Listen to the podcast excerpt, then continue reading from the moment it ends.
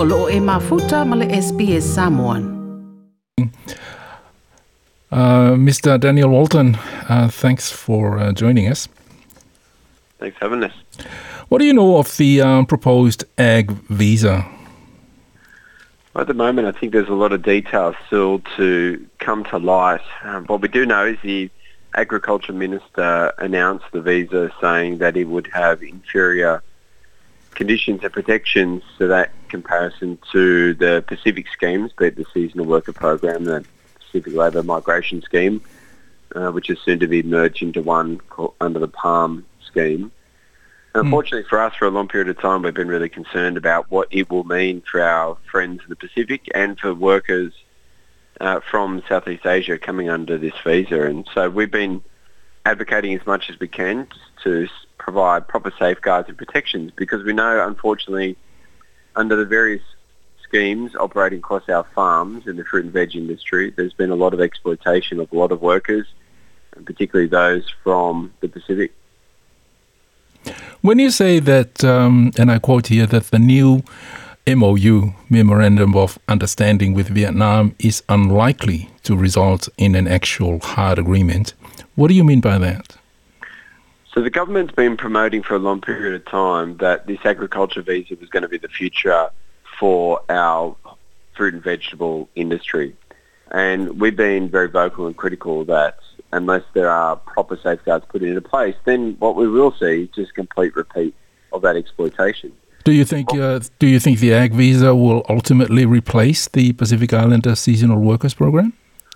So it's a basic rule of economics, right? So if you think of all of the amazing Samoans, and I think there's probably give or take 4,000 odd um, that have come across to work on Australia's shores at the moment, um, if there is another visa which provides fewer checks and balances, that is, it's cheaper for a farmer or a labour hire company that not have to go through all the checks and balances, not have to make sure that the proper inductions are in place, the access to pastoral care, the support necessary. If they don't have to go through all of those steps, then what is most likely to happen is that a farmer is going to choose to go down that cheaper route. And unfortunately, that's going to be at the expense of the worker on that farm, and in particular, the near 20 plus thousand workers who are over here from the Pacific who make a great contribution to Australia and to our fruit and veg industry, but also make a really, really important piece of the puzzle for the Pacific being able to make good money and send it back to their families to support their families, friends and villages in their development. If a worker signs a contract with an employer, either directly or through um, an employment agency, to be paid uh, so much per hour, and upon arrival at the workplace, the terms of employment are changed by the employer to a piece rate. Is that fair? I mean, the worker is now in a foreign country with next to no support network. I I think for a lot of your listeners who have gone through this to work on our nation's farms, I think they've been promised a lot in the beginning. Uh, pre-departure induction conversations have been guaranteed a lot of things, uh, high hourly rates and great income, stable employment, safe work. They've been promised all that. And what happens far too often is uh, they make tracks, head over to Australia, may interview, get inducted, get scattered and sent out to a variety of farms and find that they're not getting paid that rate, that there's a whole lot of induction, sorry, deductions for their, be for accommodation, be for water, uh, be for travel, uh, be for food, be for a whole range of things, let alone deductions for their flights, um, which we still think none of these should be taking place at all. But that is common. That is unfortunately common. And so for a lot of Pacific Islanders that have come over to Australia, they find themselves stuck. Well, what am I going to do? Am I going to suddenly pack up this job? And if I do so, then I'm sent back to my home country. And there's a lot of threats and intimidation for a lot of those workers that they would be bringing great shame amongst their community and their family. And so they try and stick it out in the hope that things will get better. And unfortunately for a lot of workers, it does not get better. There have also been allegations that workers have been discouraged from uh, joining a union. Some were threatened with loss of employment if they did.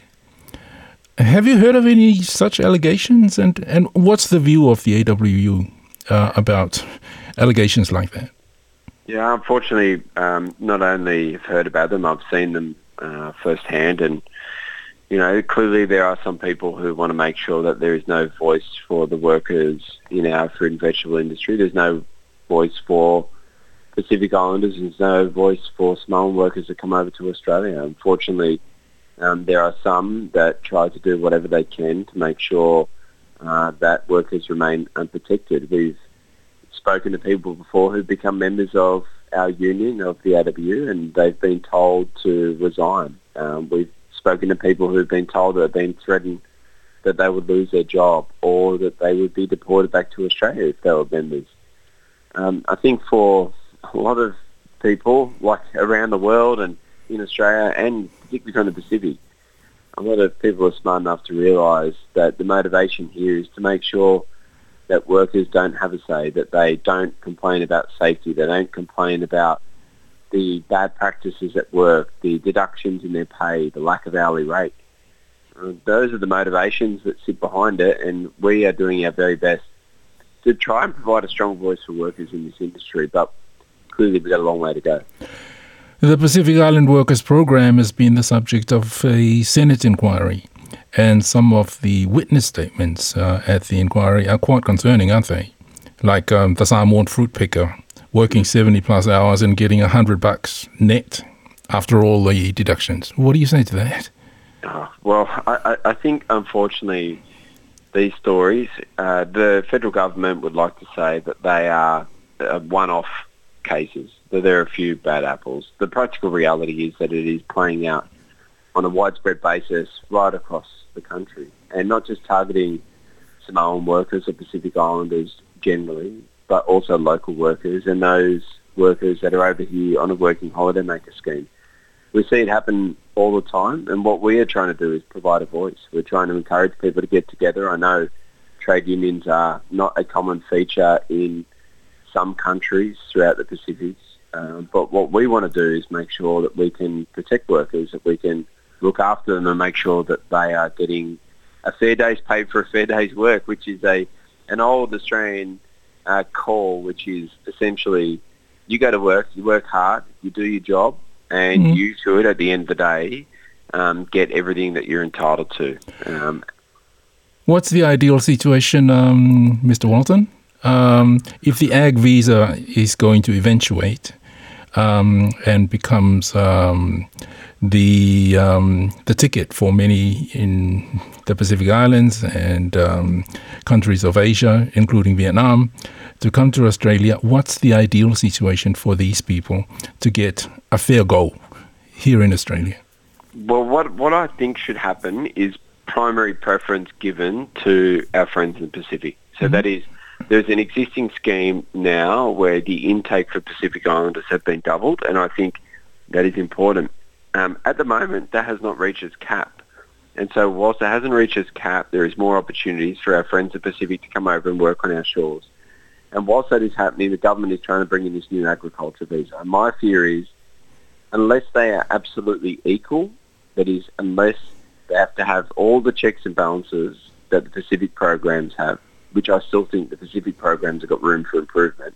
But let's just say they're both equal, then I think we can make sure that there is protection provided in place. If they are not equal, then I fear that our friends in the Pacific will lose out to workers in Southeast Asia who have got much higher populations in place and are more likely to come over and fill those roles to at the expense, unfortunately, of our friends in the Pacific. So what we hope will happen is we'll make sure that there is a strong voice provided, that workers in the industry who are concerned, they can reach out to, to our union, that we can do as much as we can to try and help protect them, both before they leave the country, when they get here, and make sure that they get every single dollar that they're owed, and to make sure these opportunities remain in place. Because uh, for me, the Pacific and Pacific Islands generally have a very big place in my heart, and I want to do everything I can uh, to protect their interests going forward. Daniel Walton, thanks very much for your time. Thanks so much for having me. Toi fia whaafafonga i nisi tala whaapea? Whaafafonga i le Apple Podcast, le Google Podcast, Spotify, ma po o whea lawa e mawailau podcast.